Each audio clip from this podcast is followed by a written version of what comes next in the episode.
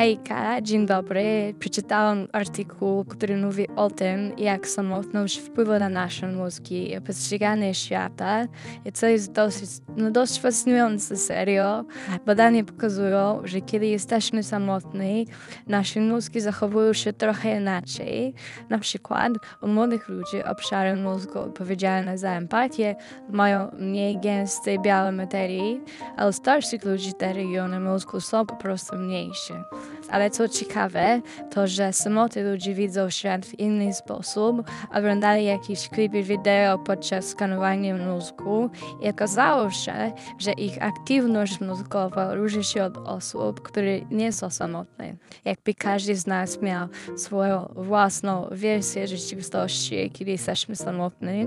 No jest też coś o tym, jak samotność wpływa na to, jak postrzegamy postaci fikcyjne. Ludzie, czują się samotni, mogą myśleć o postaciach w czy filmów, jak i o prawdzi prawdziwych przyjaciołach. To takie trochę samotne, ale też fascynujące, prawda? Są też badania, które mówią, że jak jesteś samotny, to bardziej zwracasz uwagę na przedmioty, które wydają się szczęśliwe. Nawet gadżety czy zwierzęta mogą stać się dla nas jakby przyjaciółmi, albo mózg cały czas szuka jakiegoś połączenia społecznego.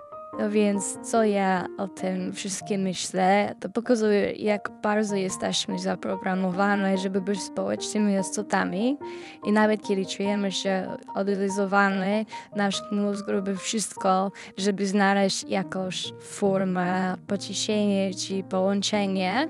To może być trochę smutne, ale też daje do myślenia, że może warto więcej się otworzyć na ludzi dookoła nas i nie zamykać się w sobie, bo jednak nic nie zastąpi prawdziwych relacji z innymi ludźmi, prawda?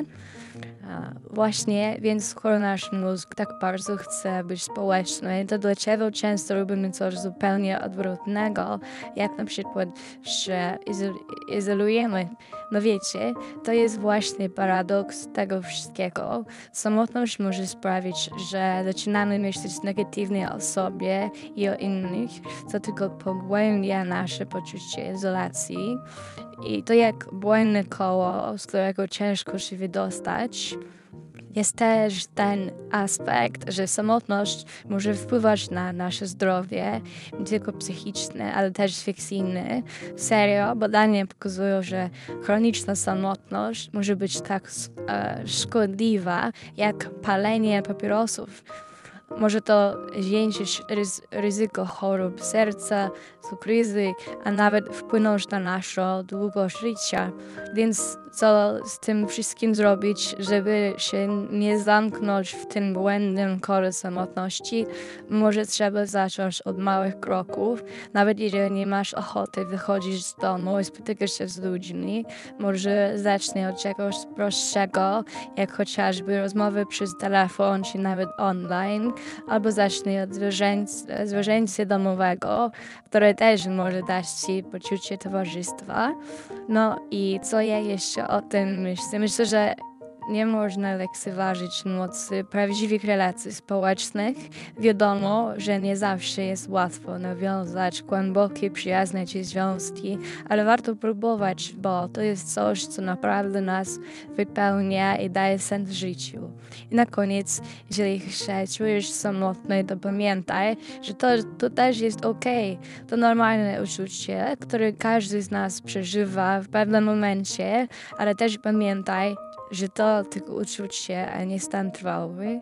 Możesz coś z tym zrobić, jest mnóstwo ludzi i sposobów, które mogą Ci w tym pomóc. I to już wszystko na dzisiaj. Mam nadzieję, że to dla Was było ciekawe. Dla mnie takie artykuły są bardzo prostu przydatne, bo na przykład w przeszłości borykałam się z takimi problemami związanymi z samotnością, więc kiedy czytam o tym, że no, też mają takie problemy, to oczywiście po prostu czuję się trochę lepiej, i mam nadzieję, że to pomaga Wam również. I tak, to, to wszystko. Do usłyszenia w kolejnych odcinkach. Wszystkiego najlepszego. Pa, pa.